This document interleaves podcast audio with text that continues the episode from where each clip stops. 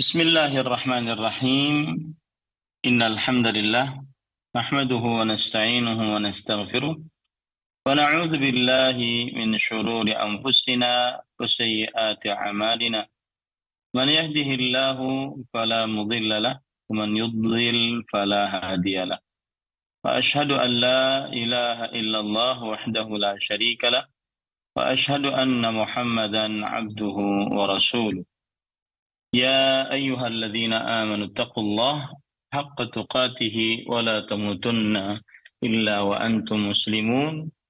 يا أيها الناس اتقوا ربكم الذي خلقكم من نفس واحدة وخلق منها زوجها وبث منهما رجالا كثيرا ونساء. واتقوا الله الذي تساءلون به والأرحام. إن الله كان عليكم رقيبا. يا أيها الذين آمنوا اتقوا الله وقولوا قولا سديدا. يصلح لكم أعمالكم ويغفر لكم ذنوبكم.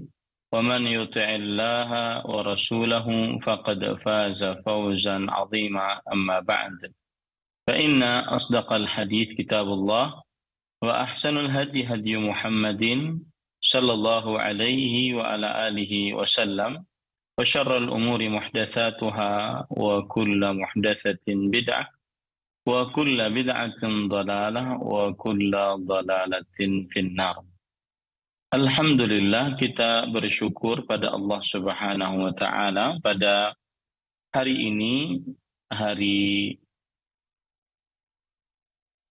Rabu siang 2 Zulqaidah 1404 eh, Zulhijjah 1444 Hijriah. Kita dimudahkan oleh Allah Subhanahu wa taala untuk duduk bersama mengkaji kembali kitab Fathul Majid Syarhu Kitab Tauhid yang ditulis oleh Fadilatul Syekh Abdurrahman bin Hasan al-Syekh rahimahullah ta'ala.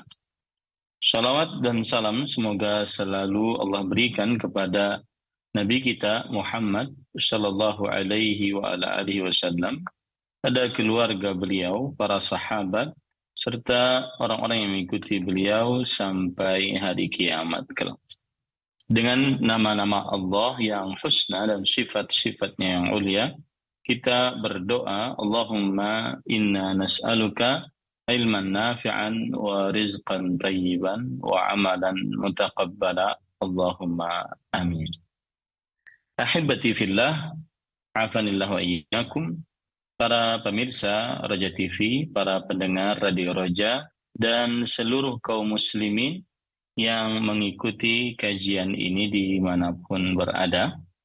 Pada kesempatan kali ini kita membahas sebuah uh, masih di dalam bab yang ke-24 yaitu babu majaa fisihr yang artinya bab tentang sihir. Dan pada pertemuan sebelumnya kita sudah sampai kepada halaman 391. Penulis rahimahullahu taala berkata tentang dalil an Abi Hurairah radhiyallahu anhu anna Rasulullah sallallahu alaihi wasallam qala ijtanibus sab'al mubiqat.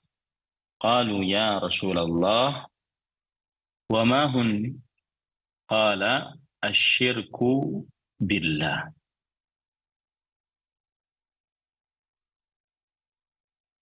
والسحر وقتل النفس وقتل النفس التي حرم الله إلا بالحق وأكل الربا وأكل مال اليتيم والتولي يوم الزحف وقذف المحصنات الغافلات المؤمنات dan yang artinya dari Abu Hurairah radhiyallahu anhu beliau meriwayatkan bahwa Rasulullah Shallallahu Alaihi Wasallam bersabda, jauhilah tujuh dosa yang membinasakan. Lalu para sahabat Nabi radhiyallahu anhum berkata, "Wahai Rasulullah, apakah tujuh dosa yang membinasakan tersebut?" Kemudian Rasulullah Shallallahu Alaihi Wasallam bersabda, mensyirikan Allah Subhanahu Wa Taala dan sihir dan membunuh nyawa yang diharamkan oleh Allah Subhanahu wa taala kecuali dengan kebenaran. Nah, pada pertemuan sebelumnya di halaman 397 kita membahas dan sihir. Kemudian kita lanjutkan sekarang qauluhu illa bil yaitu di dalam hadis disebutkan membunuh nyawa yang diharamkan oleh Allah kecuali dengan kebenaran. Ai bi an tuf'ala ma yujibu qatluha atau ma yujibu qatlaha kasyirki wan nafsu bin nafsi والزاني بعد الإحصان وكذا قتل المعاهد كما في الحديث من قتل معاهدا lam yarah raihatal jannah.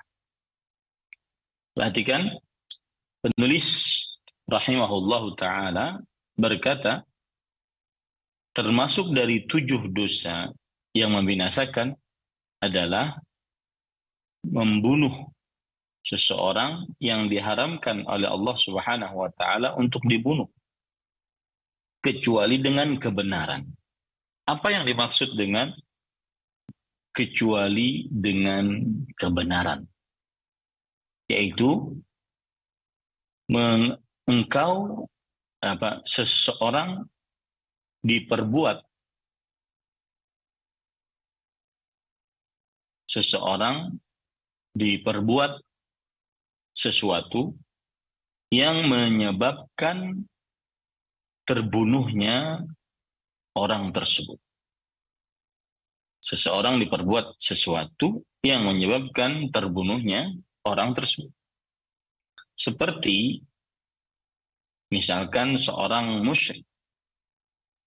Maksudnya orang musyrik ini berhak untuk dibunuh. Darahnya halal. Tetapi tentunya ada batasan dalam hukum-hukum yang diatur dalam syariat Islam. Seperti sudah didakwahi, kemudian sudah di berikan peringatan dan di medan pertempuran. Adapun orang musyrik yang hidup tinggal di sekitar kaum muslimin, maka tidak diperbolehkan dibunuh tanpa kebenaran. Wan nafsu bin nafs. Nyawa dibayar dengan nyawa. Artinya termasuk perbuatan yang dibenarkan untuk membunuh adalah apabila seseorang eh, membunuh orang lain. Maka si pembunuh ini berhak untuk dibunuh menurut syariat Islam. Kemudian yang ketiga, berzina setelah menikah.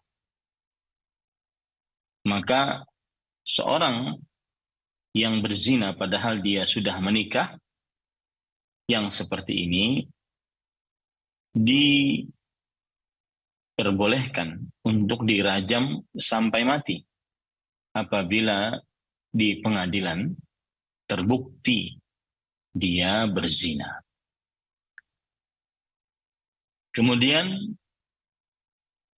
demikian juga membunuh seorang yang muahid. Artinya, apabila ada seorang muslim membunuh orang yang tidak beragama Islam, akan tetapi yang tidak beragama Islam ini di dalam perjanjian aman oleh kaum muslimin. Maka hukumnya orang yang membunuh orang yang tidak beragama Islam ini boleh dibunuh. Kenapa? Karena dia masuk ke dalam hadis Rasul Shallallahu Alaihi Wasallam yang diriwayatkan oleh Imam Bukhari dan Muslim. Siapa saja yang membunuh seorang yang dalam perjanjian aman, maka ia tidak mencium bau wangi surga. Nah, itulah yang dimaksud dengan kecuali dengan kebenaran. Jadi membunuh dalam agama Islam termasuk daripada dosa besar. Dosa dari tujuh dosa besar. Tetapi ada dibenarkan membunuh dalam syariat Islam. Yaitu perbuatan-perbuatan yang sudah kita sebutkan tadi. Orang musyrik atau orang yang murtad keluar dari agama Islam, orang yang bunuh orang lain, orang yang berzina padahal dia sudah menikah, seorang yang membunuh seorang yang dijamin aman dalam agama Islam. Maka ini orang-orang berhak untuk dibunuh.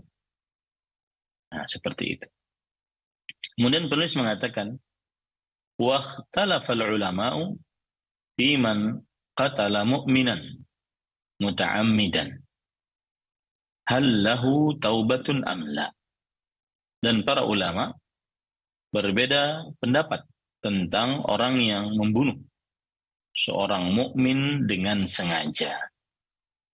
Jadi kalau ada orang mukmin membunuh orang mukmin, muslim membunuh orang muslim, apakah dia memiliki taubat atau tidak? Apakah taubatnya diterima atau tidak? Apakah dia bertau, uh, diteri, boleh bertaubat atau tidak? فذهب ابن عباس وأبو هريرة وغيرهما إلى أنه لا توبة له Abdullah bin Abbas radhiyallahu anhuma dan Abu Hurairah radhiyallahu an kedua-duanya berpendapat bahwa pembunuh seorang muslim tidak berhak untuk menerima taubat ya tidak berhak untuk menerima taubat ini para ikhwan dirahmati oleh Allah Subhanahu wa taala.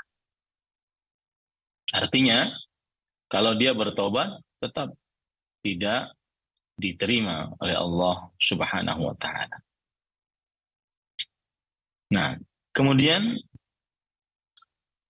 istidlalan biqaulihi ta'ala wa man yaqtul mu'minan muta'ammidan fajaza'uhu jahannam khalidan fiha yang artinya berdalilkan dengan firman Allah Subhanahu wa taala.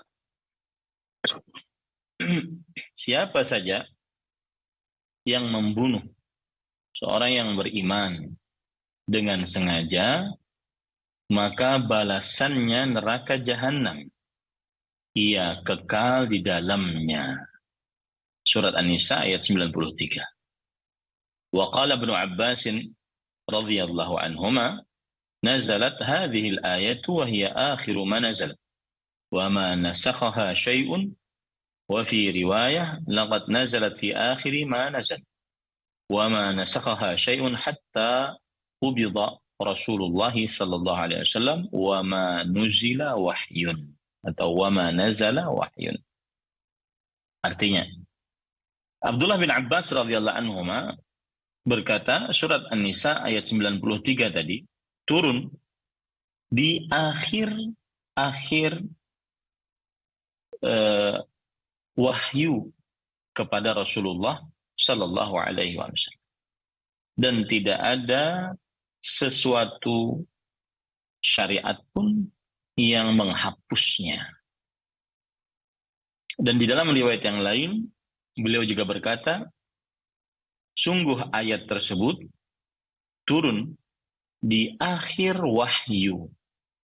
Dan tidak ada sesuatu pun yang me menghapusnya sampai diwafatkan oleh Rasulullah Shallallahu Alaihi Wasallam dan tidak turun setelahnya satu wahyu pun. Nah ini. Ahibati fillah, yakum. Jadi berdasarkan ayat ini, An-Nisa ayat 93, maka pembunuh seorang muslim tidak ada taubat. Arti tidak ada taubat, kalau bertobat tidak bermanfaat. Ya, karena ayatnya berbunyi, siapa yang membunuh seorang beriman dengan sengaja, maka balasannya neraka jahanam kekal abadi di dalam. Wa روي في ذلك آثار تدل لما ذهب إليه هؤلاء. كما عند الإمام أحمد كما عند إمام الأحمد أحمد والنسائي وابن المنذر عن معاوية رضي الله عنه. سمعت رسول الله صلى الله عليه وعلى آله وسلم يقول كل ذنب عسى الله أن يغفره إلا الرجل يموت كافرا أو الرجل يقتل مؤمنا. muta'ammidan.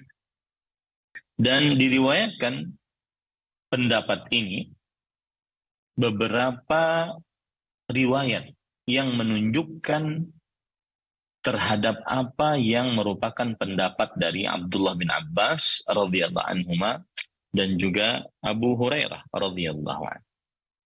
Sebagaimana yang diriwayatkan di dalam riwayat Imam Ahmad, Imam An-Nasa'i, Imam Ibnul Munzir dari Muawiyah bin Abi Sufyan radhiyallahu anhu beliau berkata, aku telah mendengar Rasulullah sallallahu alaihi wasallam bersabda, setiap dosa semoga Allah Subhanahu wa taala mengampuninya kecuali seseorang yang meninggal di atas kekafiran atau seseorang yang meninggal seseorang yang membunuh seorang beriman dengan sengaja. Dan hadis ini disahihkan oleh Imam Al-Albani rahimahullah taala. Ini menunjukkan beratnya dosa membunuh. Makanya saya nasihatkan kepada diri saya pribadi dan seluruh kaum muslimin agar menjaga diri saat amarah. Jangan sampai memukul, menendang, atau bahkan sampai kepada membunuh. Karena dosa membunuh dikhawatirkan tidak diampuni oleh Allah Subhanahu wa taala yang menyebabkan kekal abadi di dalam neraka sebagaimana pendapat dari Abdullah bin Abbas dan juga Abu Hurairah radhiyallahu anhuma. Wa dhahaba wa dhahaba jumhurul ummati salafan wa khalafan ila anna al-qatila له توبة فيما بينه وبين الله فإن تاب وأناب وعمل صالحا بدل الله سيئاته حسنا. كما قال تعالى والذين لا يدعون مع الله إلها آخر ولا يقتلون النفس التي حرم الله إلا بالحق ولا يزنون ومن يفعل ذلك يلقى أثاما. يضاعف له العذاب يوم القيامة ويخلد فيه مهانا. إلا من تاب وآمن وعمل عملا صالحا فَأُولَٰئِكَ يُبَدِّلُ اللَّهُ سَيِّئَاتِهِمْ حَسَنًا وَكَانَ اللَّهُ غَفُورًا رَحِيمًا Sedangkan mayoritas para ulama berpendapat para ulama dari mulai salafus salih sampai setelah mereka itu para sahabat, para tabi'un, para tabi'ut tabi'in dan ulama-ulama setelah mereka berpendapat bahwa si pembunuh memiliki hak bertaubat antara dia dengan Allah Subhanahu wa taala. Jika ia bertobat dan kembali serta beramal saleh, maka Allah Subhanahu wa taala akan menggantikan kesalahan-kesalahan mereka menjadi eh, pahala-pahala kebaikan. Sebagaimana firman Allah dalam surah Al-Furqan ayat 68 sampai 71. Yang artinya dan orang dan hamba-hamba Allah adalah orang-orang yang tidak berdoa kepada seorang Tuhan pun bersamaan dengan berdoa kepada Allah dan tidak membunuh nyawa yang telah diharamkan oleh Allah Subhanahu wa taala kecuali dengan kebenaran dan tidak berzina. Siapa yang melakukan demikian dia akan mendapatkan dosa yang besar. Dilipatkan untuknya siksa pada hari kiamat dan kekal di dalamnya dengan keadaan terhina. Kecuali orang yang bertaubat, beriman, dan beramal saleh. Kecuali orang yang bertaubat, beriman, dan beramal saleh. Para ikhwan yang dirahmati oleh Allah subhanahu wa ta'ala. Kemudian, ahibati, billah afanillah wa iyyakum. Lalu yudha'af lahu al-'adzab yaum al-qiyamah. Maka mereka lah orang-orang yang digantikan oleh Allah Subhanahu wa taala dosa-dosa mereka dengan kebaikan-kebaikan. Qauluhu wa man yaqtul mu'minan muta'ammidan. Qala Abu Hurairah wa ghairuhu radhiyallahu anhu. Hadza jazaohu in jazahu.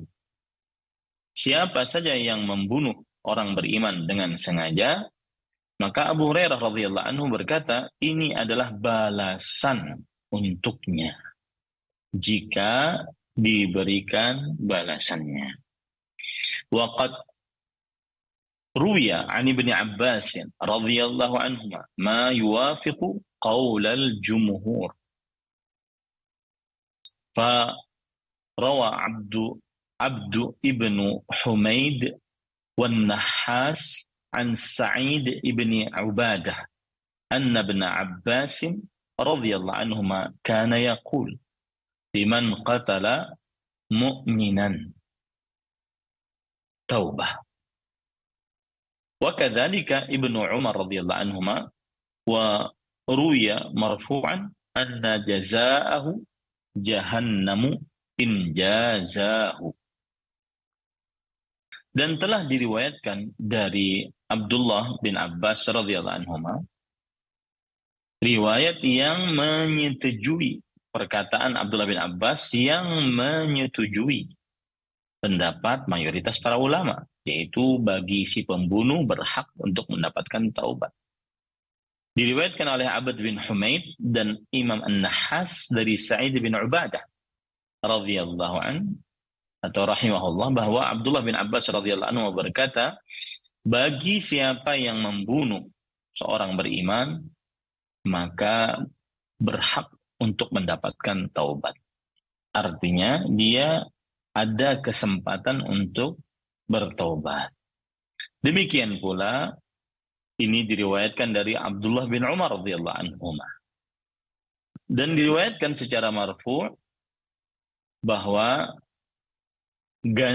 balasan neraka jahanam bagi orang yang membunuh dengan sengaja seorang yang beriman jika Allah Subhanahu wa taala menghendakinya. Kata-kata jika Allah Subhanahu wa taala menghendakinya berarti tidak uh, pasti uh, neraka jahanam dan berarti ada kemungkinan bertobat kepada Allah Subhanahu wa taala. Nah, nah itulah uh, dosa besar yang ketiga dari tujuh dosa besar. Syirik, sihir, dan membunuh. Kemudian kita ke penjelasan selanjutnya atau ke lafaz hadis selanjutnya. Qauluhu wa aklur riba. Yaitu sabda Rasul Shallallahu Alaihi Wasallam dan makan harta riba. Inilah dosa yang keempat dari dosa besar dari tujuh dosa besar. Ai tanawuluhu bi ayyi wajhin kana.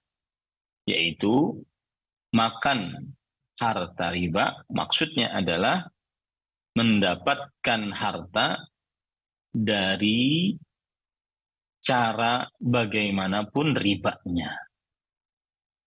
Ya, mendapatkan harta dengan transaksi apa pun dari harta riba. Kama qala ta'ala alladzina ya'kuluna riba la yaqumun illa kama yaqumu alladzi yatakhabbathu asyaitanu minal mas.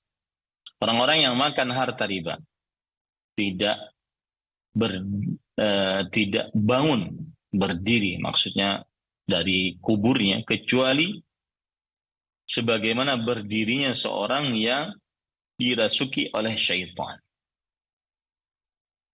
Al-ayah. Uh, ini bisa dilihat di dalam surah Al-Baqarah ayat 275 sampai 280. Qala banu daqiq al-'id wa huwa mujarrabun li su'il khatimah. Na'udzubillah min dzalik dosa makan harta riba adalah terbukti menyebabkan uh, akhir hidup yang buruk. Dosa makan harta riba adalah terbukti menyebabkan akhir hidup yang baik. Yang buruknya, kita berlindung kepada Allah dari hal tersebut. Qauluhu yang kelima sekarang. Wa aklu malil yatim. Dan makan harta anak yatim. Yakni at-taghaddi fihi. Wa abbara bil akli li'annahu a'am wujuhu al-intifa' Dan yang kelima adalah dari tujuh dosa yang binasakan makan harta anak yatim yakni yakni ta'addi fihi. Yaitu berlebih-lebihan di dalamnya. Karena memakan harta anak yatim bagi yang mengurus anak yatim yang diluaskan rezekinya oleh Allah kayak ini tidak mengapa. Tetapi tidak boleh berlebih-lebihan. Dan bagi yang eh, kaya tidak memerlukan untuk memakan harta anak yatim, maka at-ta'affuf minhu afdal. Menjauhi dan mensucikan diri dari memakan harta anak yatim tersebut lebih utama karena dia tidak terlalu perlu. Nah, dan disebutkan di sini dengan makan, makan harta anak yatim. Karena makan itu lebih umum, dari segala macam sisi mengambil manfaat dari harta anak itu. Pokoknya bukan hanya makan saja tetapi seluruh praktek yang di dalamnya mengambil manfaat terlalu berlebihan dari harta anak yatim yang di apa namanya yang diurus uh, maka ini adalah tercela Kama qala ta'ala innal ladzina ya'kuluna amwalal yatama zulman innama ya'kuluna fi butunihim naran wa sayaslawna sa'iran. Sebagaimana firman Allah, sesungguhnya orang-orang yang memakan harta-harta anak-anak yatim secara zalim. Sesungguhnya dia memasukkan ke dalam perutnya api dan akan membakarnya. Quran Surah Nisa ayat 10. Kemudian dosa besar yang keenam, qauluhu wa tawalli zahf yaitu al-idbar anil kuffar waqt waqt tahamil qital waqt iltihamil qital Artinya kabur dari medan peperangan ketika menghadapi orang-orang kafir. Ini termasuk dosa besar. Ma yakunu kabiratan idza farra ila ghairi fi'ah atau ghairi mutaharrifin likitan kama quyida bihil ayah. Artinya dan kabur dari medan pertempuran yang menyebabkan dosa besar adalah jika ia lari dari medan pertempuran bukan karena ingin bergabung kepada kelompok kaum muslimin yang lain atau bukan karena siasat perang tetapi memang karena pengecut maka yang seperti ini adalah yang termasuk dari dosa besar sebagaimana yang telah dibatasi di dalam ayat. Yang ketujuh, qauluhu wa qadful muhsanatil ghafilatil mu'minat.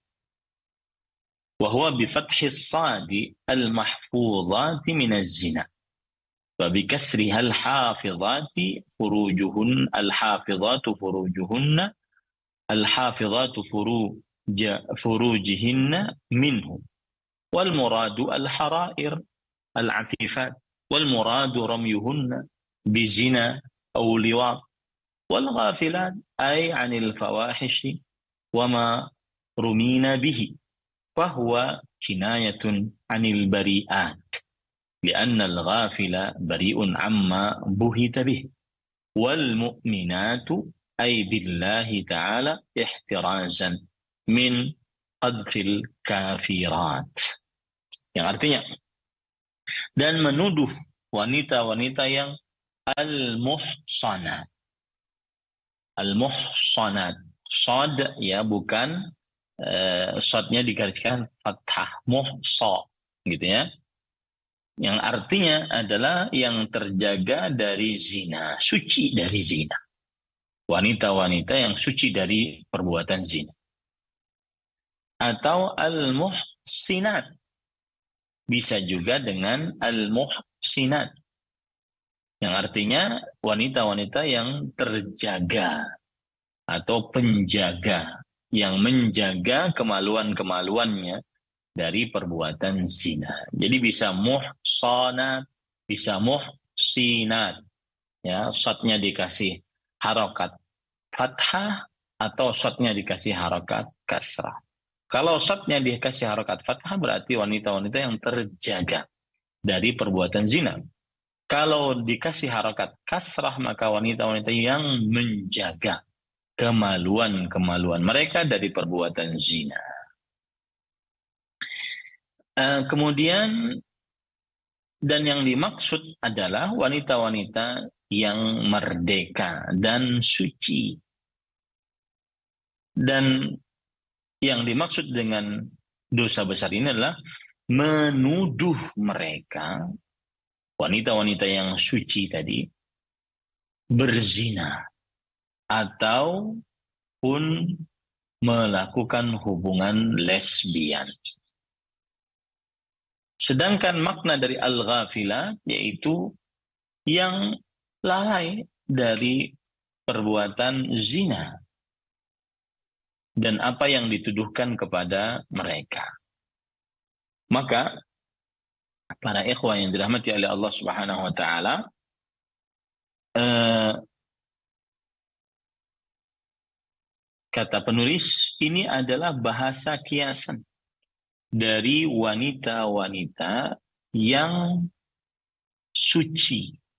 Kemudian mereka dituduh berzina.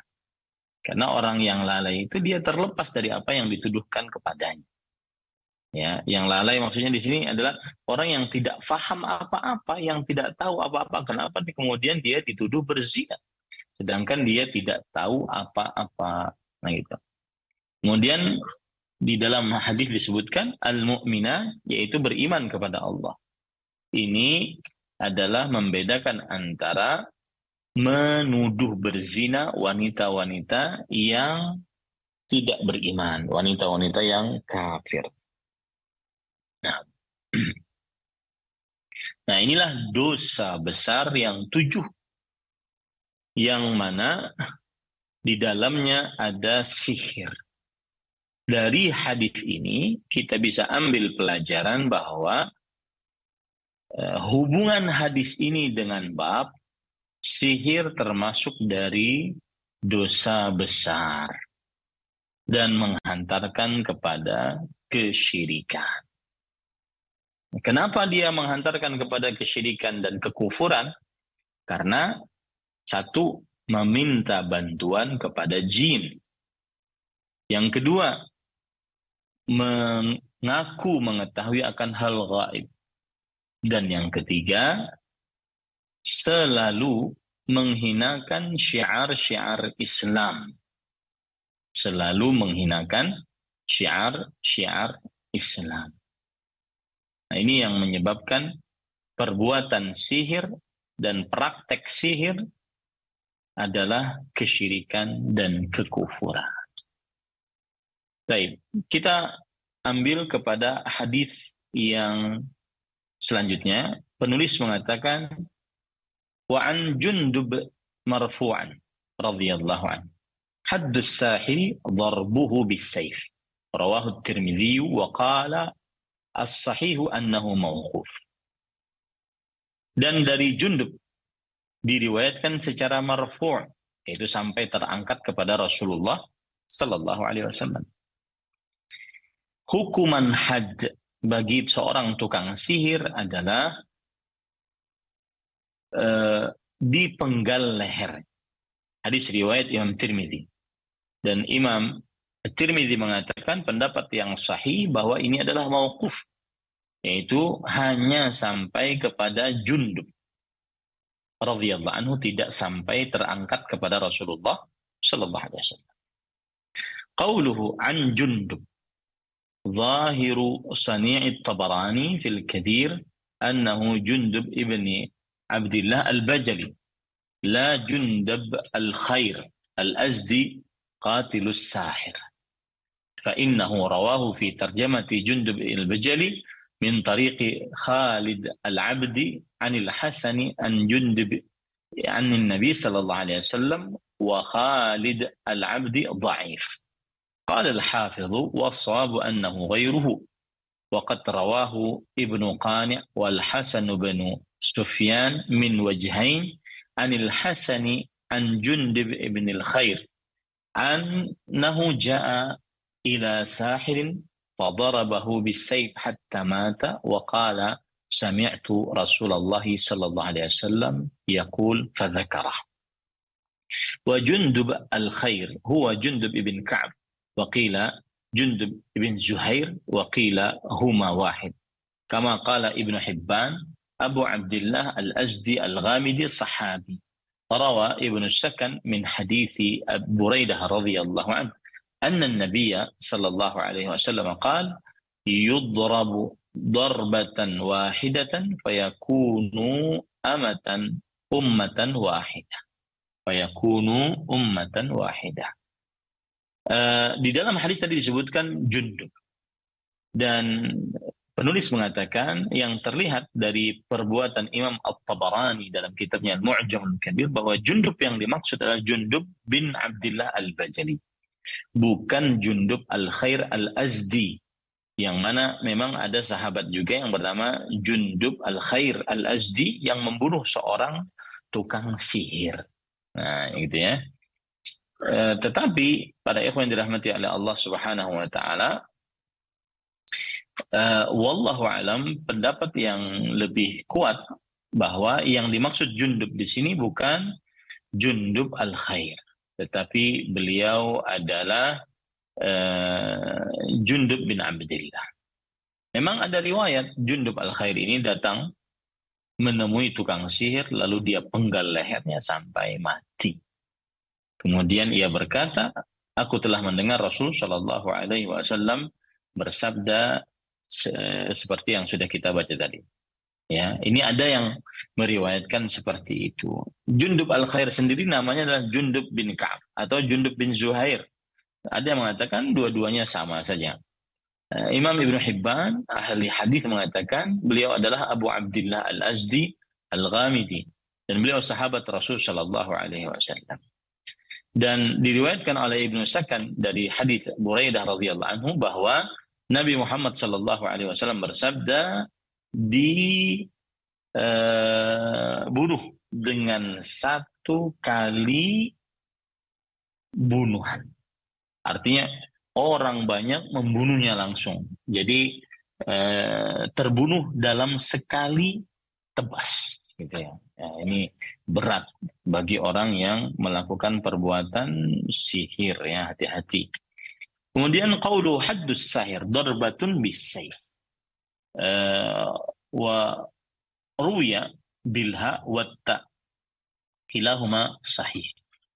Ada yang mengatakan hukuman had tukang sihir adalah dorbatu. Yaitu dengan satu pukulan tebasan di leher. Ada yang mengatakan dorbuhu bisayf. Dorbatun atau dorbu. Yaitu ditebas dengan leher. Dan dua-duanya adalah benar. Baik dorbatun bisayf atau dorbuhu bisayf. Yang maknanya dua-duanya benar. Yaitu saat e, di ditebas leher.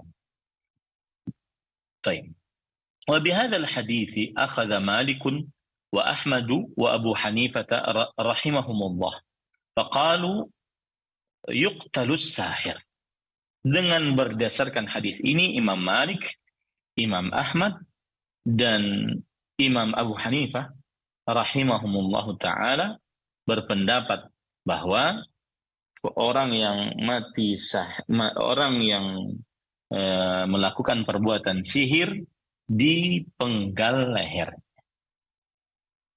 Ya, dipenggal lehernya. Ini para ikhwan yang dirahmati oleh Allah Subhanahu wa taala. Wa ruya dzalika an Umar wa Uthman وابن عمر وحفصة وجندب وابن عمر وحفصة وجندب ابن عبد الله وجندب ابن كعب وقيس ابن سعد وعمر ibni Abdul Aziz. Dan diriwayatkan juga pendapat bahwa seorang penyihir dibunuh ini adalah pendapatnya Umar عثمان عبد الله بن عمر حفصة جندب بن عبد الله جندب بن كعب قيس بن سعد عمر بن عبد العزيز رضي الله عنهم ورحمهم. ولم يرى الشافعي القتل عليه بمجرد السحر إلا إن عمل في سحره ما يبلغ الكفر. وبه قال ابن المنذر وهو رواية عن أحمد.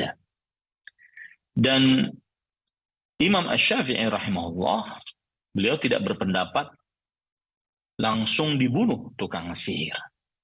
Hanya dengan mengerjakan sihirnya. Kecuali jika ia berbuat di dalam sihirnya yang sampai kepada derajat kekufuran. Dan dengan pendapat ini juga berpendapat Imam Ibnul Munzir dan ini adalah juga salah satu pendapat dari Imam Ahmad rahimahullahu taala. Wallahu alam, pendapat jumhur lebih kuat karena sihir bagaimanapun dia adalah kekufuran. Wal awal awla lil hadis wa li athari Umar wa amalu wa amila bihin nasu fi khilafatihi min ghairi nakir. Nah, kata Syekh Abdurrahman bin Hasan penulis kitab Fathul Majid Syarh Kitab Tauhid. Dan pendapat yang pertama lebih kuat, lebih utama. Karena hadis yang kita baca tadi. Begitu juga karena perkataan Umar bin Khattab. Dan diamalkan oleh kaum muslimin di kekhalifahan Umar bin Khattab tanpa ada yang mengingkarinya tanpa ada yang mengingkarinya. Kemudian dalil yang selanjutnya. Wa fi sahih al-Bukhari an Bajalata ibni Abdah qala radhiyallahu anhu qala كتب عمر بن الخطاب أن يقتلوا كل ساحر وساحرة قال فقتلنا ثلاث سواحر yang artinya dan di dalam Sahih Bukhari dari Bajalah bin Abdah beliau berkata Umar bin Khattab radhiyallahu anhu ketika menjadi khalifah menulis surat kepada para gubernurnya agar membunuh setiap tukang sihir laki-laki dan tukang sihir perempuan. Maka Bajalah bin Abdah mengatakan, lalu kami telah membunuh tiga tukang sihir. Kita baca penjelasannya. Hadzal atharu rawahu al-Bukhari kama qala al-musannif rahimahullah lakin lam yudhkar qatlas sawah qatlus sawahir. Artinya uh, riwayat ini diriwayatkan oleh Imam Bukhari benar ya. Tetapi di dalam riwayat Bukhari tidak disebutkan uh, membunuh tiga tukang sihir. Jadi sampai hanya kepada surat dari Umar bin Khattab radhiyallahu anhu. Adapun perkataan kami telah membunuh tiga tukang sirin tidak terdapat dalam riwayat Bukhari. Qauluhu an bajalah bi fathil muwahhadah ba'daha jim yaitu ba pakai harokat fathah bajalah ya setelah huruf jim ibni abdah ibni abadah. Abadah dengan dua fathah. Abadah gitu ya. At-Tamimi Al-Ambari Basri Fiqh. Seorang tabi'i ini. Ya, beliau adalah yang terpercaya. Ya, seorang tabi'i. Qauluhu kataba ilaina Umar bin Al-Khattabi an yaqtulu kulla sahirin wa sahir. Telah menulis kepada kita Umar bin Khattab radhiyallahu anhu agar membunuh setiap tukang sihir laki-laki dan perempuan. Wa zahiruhu annahu yuqtal min ghairi istitabah. Nah, ya. Dan terlihat dari perintah Umar bin Khattab radhiyallahu anhu bahwa orang itu dibunuh tanpa dimintai taubat. Langsung jika terbukti dia tukang sihir, maka dia dibunuh tanpa dimintai taubat. Ya, tanpa dia dimintai taubat. وهو كذلك على المشهور عن أحمد وبه قال مالك لأن علم السحر لا يزول بالتوبة dan uh, demikianlah menurut pendapat yang masyhur dari Imam Ahmad dan ini juga pendapat Imam Malik karena ilmu sihir tidak hilang dengan taubat Wa an Ahmada yustatab. Tetapi ada riwayat lain dari Imam Ahmad, ia tetap dimintai taubat. Fa in taba qubila taubatu. Jika ia bertaubat maka diterima taubatnya. Wa bihi qala Syafi'i. Dan ini juga pendapatnya Imam Syafi'i yaitu dimintai taubat. Ya, dimintai taubat. Ini para ikhwan yang dirahmati oleh Allah Subhanahu wa taala.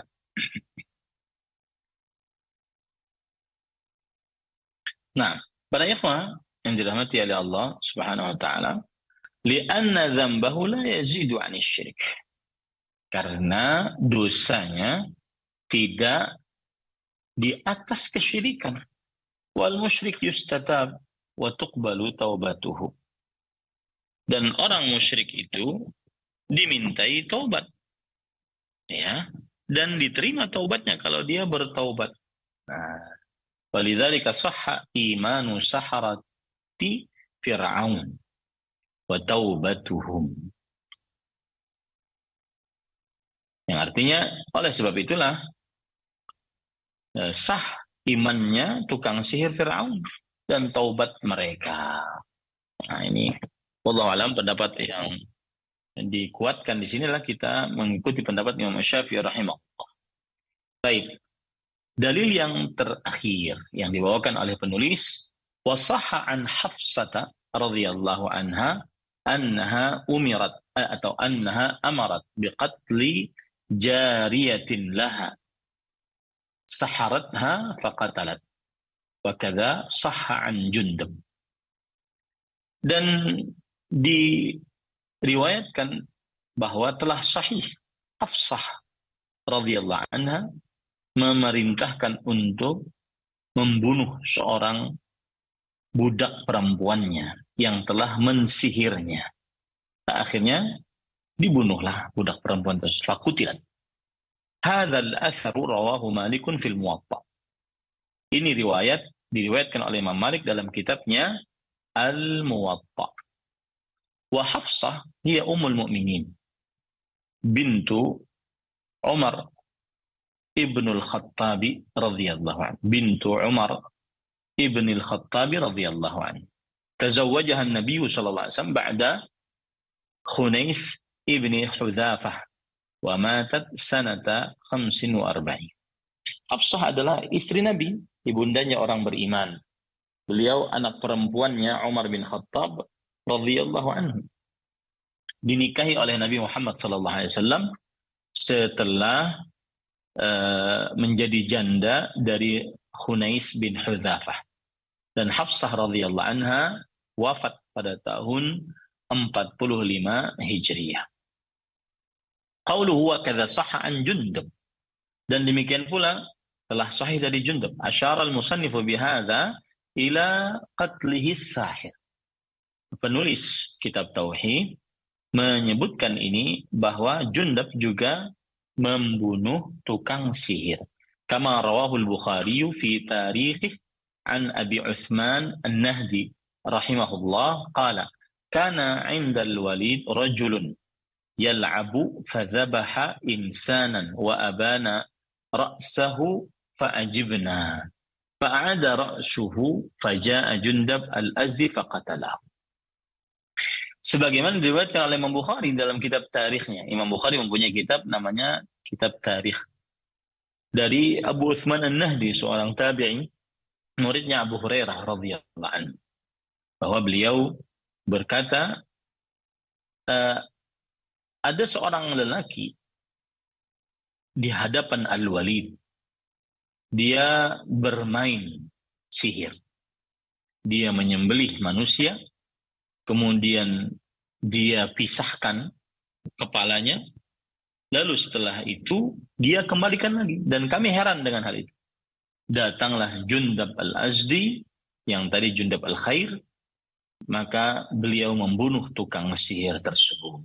Oh, jadi subhanallah seperti tukang sihir-tukang sihir zaman sekarang itu, yang bisa terbelah Eh, badannya bisa terbelah, kepalanya. Kalau seandainya bukan trik benar-benar terbelah itu ya, maka eh, ada yang mengatakan bahwasanya eh, eh, bahwa itu sudah terjadi di zaman para sahabat Nabi radhiyallahu anhu. Zaman para salafus saleh ternyata sudah ada yang seperti itu. Wa rawahul Baihaqi fi dalail mutawwalan wa fihi fa amara bihi al-Walid fa. فذكر القصة بتمامها ولها طرق كثيرة dan diriwayatkan juga oleh Imam Al-Bahaqi dalam kitabnya Ad-Dalail secara panjang hadisnya. Dan di dalamnya uh, Al-Walid ya yang waktu itu khalifah memerintahkan untuk dipenjara. Kemudian disebutkan kisah dengan dengan sepanjangnya dan ia memiliki jalan-jalan uh, akan riwayat tersebut. Qauluhu wa qala Ahmad an thalatha min ashabin Nabi sallallahu alaihi wasallam. Dan Imam Ahmad rahimahullah berkata, demikian pula diriwayatkan dari tiga sahabat Rasulullah SAW, yaitu yang membunuh tukang sihir. Ahmad huwa al-Imam Ahmad ibnu Muhammad ibnu Hanbal. Imam Ahmad namanya Ahmad bin Muhammad bin Hanbal. Qauluhu an thalathatin ay sahha qatlus sahiri an salasah, yaitu telah benar riwayatnya eh, pembunuhan terhadap tukang sihir dari tiga orang sahabat Rasul sallallahu alaihi wasallam. Au jaa qatlus sahiri an thalathatin min ashabin Nabi sallallahu alaihi wasallam. Itu telah terdapat riwayatnya eh, tentang membunuh tukang sihir dari tiga pendapat sahabat Rasul sallallahu alaihi wasallam, yakni Umar wa Hafsata wa Junduban. Wallahu alam. Dan mereka itu adalah Umar radhiyallahu an, Hafsah binti Umar radhiyallahu anhuma dan Jundub radhiyallahu an. Alhamdulillah selesai. Dan ahibati fillah, afanillah wa yakum, uh, bab ini menjelaskan tentang hukum perbuatan sihir. Dan hubungan bab ini dengan tauhid menunjukkan contoh perbuatan syirik akbar yaitu melakukan perbuatan sihir dan hukum sihir adalah haram serta eh, hukum sihir pelakunya dipenggal lehernya jika terbukti memang telah melakukan perbuatan sihir sebagaimana yang sudah kita sebutkan tadi. Alhamdulillah bab yang ke-24 selesai. Insya Allah Ta'ala kita akan lanjutkan pada bab yang 25 pada pertemuan yang akan datang. Wallahu alam. Nah. Taib Ustaz Barakallahu Fikum wa Jazakallahu Khairan Silahkan bagi Anda yang bertanya seputar pembahasan ini Kami berikan kesempatan Di 0218236543 Halo Silahkan Halo. Assalamualaikum warahmatullahi wabarakatuh. Waalaikumsalam warahmatullahi wabarakatuh. Ibu dengan siapa di mana ini? Dengan hamba Allah beliau. Silahkan Ibu pertanyaannya. Iya, ini terkait dengan seorang wanita yang katanya dia kata-kata apa banyak orang yang mengatakan bahwa dia mendatangi seorang dukun lalu menyuruh dukun itu untuk mengguna-gunai istri muda suaminya dan kodarullah itu yang menyebabkan istri suami ya, suaminya itu istri muda suaminya meninggal. Bagaimana hukumnya seperti ini Ustaz? Terima kasih. Assalamualaikum warahmatullahi wabarakatuh. Waalaikumsalam warahmatullahi wabarakatuh. Silahkan Ustaz. Bismillah, alhamdulillah, wassalatu wassalamu ala rasulillah wa ala alihi wa sahbihi wa wala amma ba'd. Jazakumullahu khairan kepada ibu yang bertanya. Semoga senantiasa kita dijaga oleh Allah Subhanahu wa taala dari turunnya iman sehingga terprosok ke dalam perbuatan sihir. Apalagi hanya karena sebab-sebab dunia. Maka apabila ada seorang muslimah, istri kedua, kemudian dia cemburu dengan istri pertamanya. Ya, atau sebaliknya. Istri pertama cemburu dengan istri kedua suaminya. Akhirnya dia minta bantuan kepada tukang sihir untuk mensihir istri kedua. Dan akibat sihir tersebut, istri kedua meninggal dunia. Maka di dalam hal ini berarti istri pertama yang memerintahkan tukang sihir untuk mengguna-gunai istri kedua sampai meninggal adalah termasuk daripada pembunuh. Karena al-mutasabbib kal mubashir seorang yang menjadi penyebab terbunuhnya seseorang ini seperti pelaku langsung. Seperti pelaku langsung. Berarti dia mengumpulkan dua dosa besar. Yang pertama, melakukan perbuatan sihir, meminta bantuan kepada tukang sihir. Yang kedua, membunuh. Tetapi jika istri pertama tersebut ingin bertaubat, maka bertaubatlah. Semoga Allah Subhanahu wa taala mengampuni dosanya. Sebagaimana yang sudah kita sebutkan tadi, pembunuh menurut pendapat mayoritas para ulama tetap dimungkinkan untuk bertaubat dan dimungkinkan untuk mendapatkan ampunan dari Allah Subhanahu wa taala jika benar-benar bertobat. Begitu juga tukang sihir. dimungkinkan untuk bertobat dan semoga mendapatkan ampunan dari perbuatan sihirnya baik dia karena meminta bantuan sihirnya atau dia sendiri yang berlaku sihir. Wallahu alam. Nah. Fikum jazakallahu khairan. Terima kasih atas nasihatnya. Selanjutnya kami bacakan dari pesan singkat Bapak Jaja di Kalideres yang bertanya, Ustadz, seperti apakah tanda-tanda orang yang terkena sihir? Jazakallahu khairan, saat silahkan. Bismillah, walhamdulillah, wassalatu wassalamu ala rasulillah wa ala alihi wa ashabihi wa man wala amma ba'd. Jazakumullahu khairan atas pertanyaannya. Tanda-tanda orang terkena sihir adalah mendapatkan sesuatu gangguan yang tidak wajar. Mendapatkan sesuatu gangguan yang tidak wajar. E, seperti misalkan seseorang setelah diperiksa oleh dokter, tetapi kemudian tidak mendapati apa-apa dari seluruh dokter yang memeriksa. Tetapi dia lemah, lemas, kemudian tidak bisa beraktivitas sebagaimana layaknya seorang manusia. Nah, ini dikhawatirkan dia terkena gangguan sih. Atau mendapati di dalam uh, apa tubuhnya sebuah hal yang di luar kebiasaan.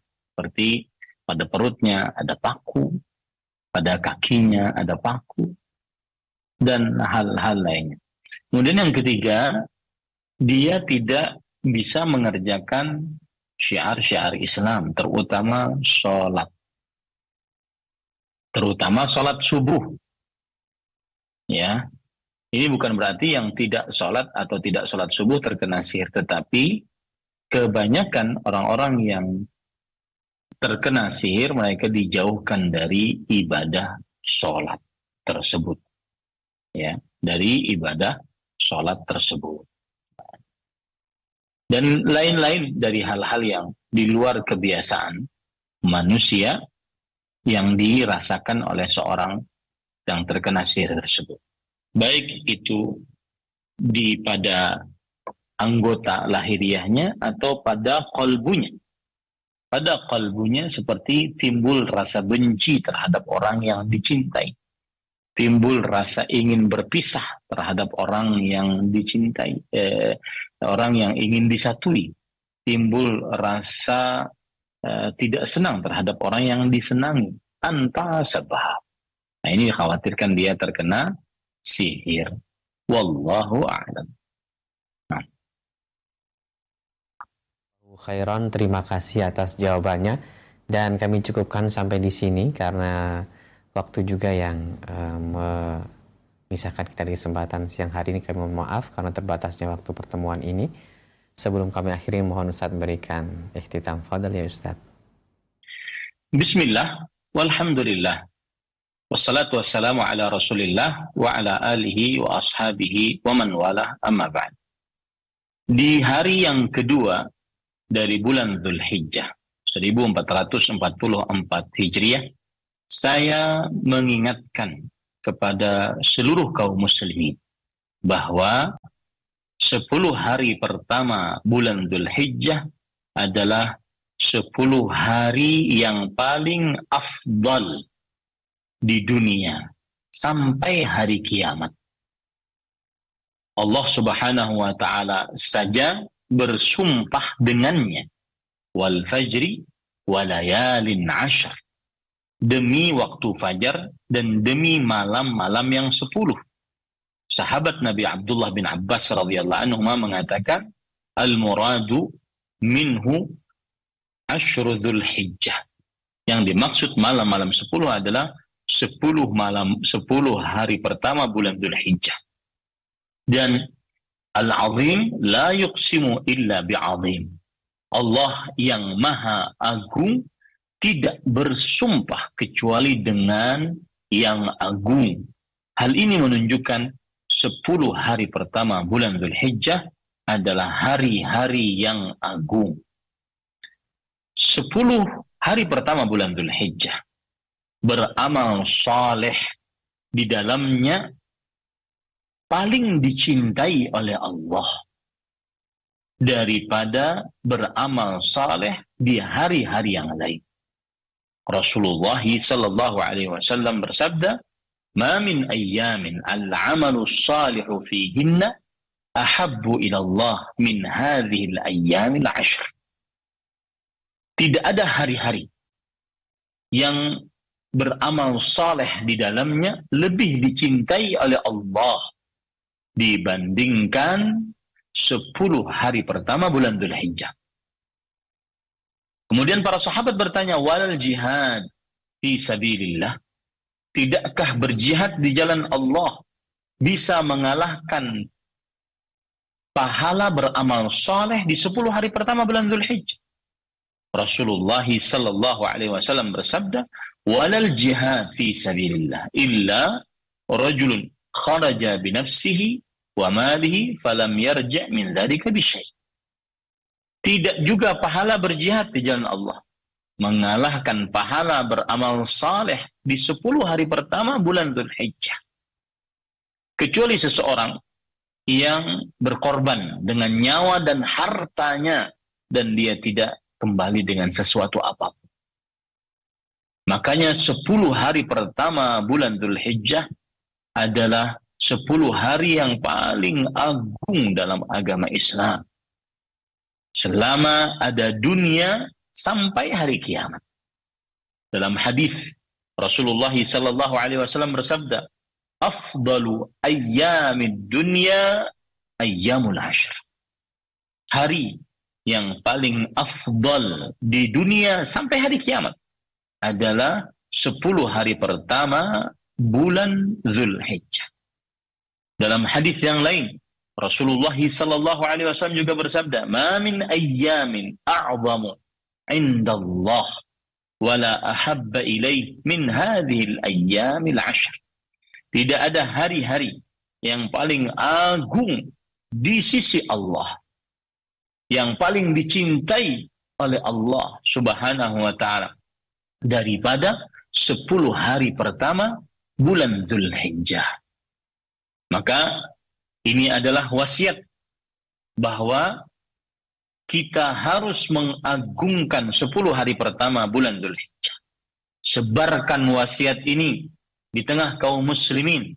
Sampaikan wasiat ini kepada anak cucu kita. Jangan sampai kaum muslimin tidak mengenal bahwa 10 hari pertama bulan Dhul Hijjah adalah 10 hari yang paling agung dalam agama Islam. Dan ahibati fillah, afanillah wa iyyakum. Di dalam 10 hari pertama bulan Dhul Hijjah terdapat amalan-amalan yang sangat dianjurkan. Yang pertama, bertakbir, bertahmid, bertahlil. Allahu Akbar, Allahu Akbar, La ilaha illallah, wallahu akbar, Allahu akbar, walillahil hamd. Sebagaimana tadi hadis, Ma min ayyamin a'zama inda Allah wa la ahabbu ilaih min hadhil ayyamil ashr. Fa'akthiru fihinna min at-takbir wa tahlil wa tahmid. Tidak ada hari-hari yang paling agung di sisi Allah, paling dicintai oleh Allah daripada 10 hari pertama bulan Dzulhijjah. Maka perbanyaklah di dalamnya bertakbir, tahmid, tahlil. Oleh karenanya Abu Hurairah radhiyallahu anhu, Abdullah bin Umar radhiyallahu anhu, kana yakhrujani ila suq fayukabbiran wa yukabbirun nas bitakbirihima. Abu Hurairah radhiyallahu anhu dan Abdullah bin Umar radhiyallahu anhuma beliau berdua pergi ke pasar di 10 hari pertama bulan Dhul Hijjah. Kemudian mereka bertakbir dan orang-orang pun akhirnya ingat bahwa hari-hari ini di 10 hari pertama bulan Dhul Hijjah adalah hari-hari untuk bertakbir. Dan ini sunnah yang hampir ditinggalkan oleh kaum muslimin.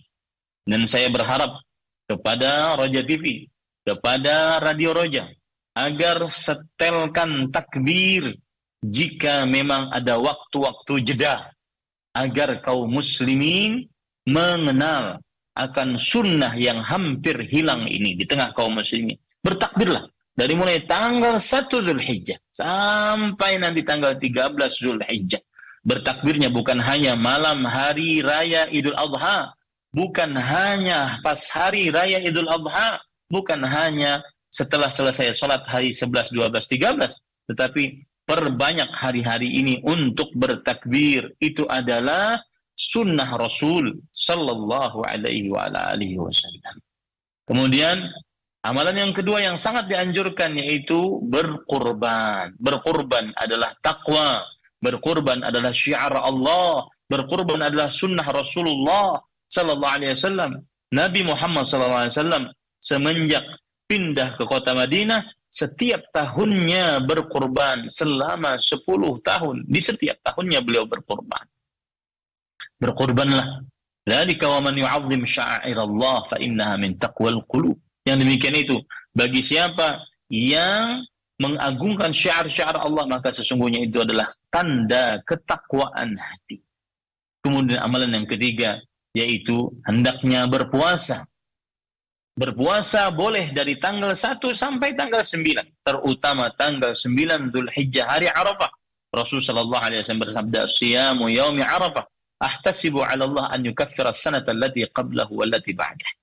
Berpuasa pada hari Arafah, aku berharap kepada Allah Subhanahu wa taala menghapuskan dosa satu tahun yang telah lalu, satu tahun yang akan datang. Amalan selanjutnya adalah memperbanyak doa, terutama doa di hari Arafah khairud du'a du'a yaumi Arafah. Sebaik-baik berdoa adalah doa pada hari Arafah. Meskipun kita tidak menunaikan ibadah haji, maka berdoalah.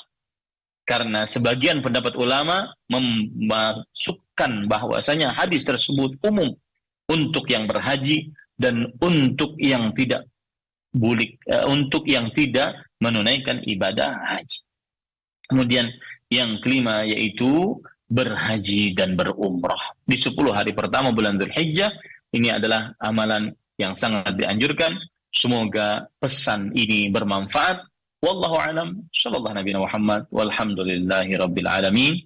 Wassalamualaikum warahmatullahi wabarakatuh.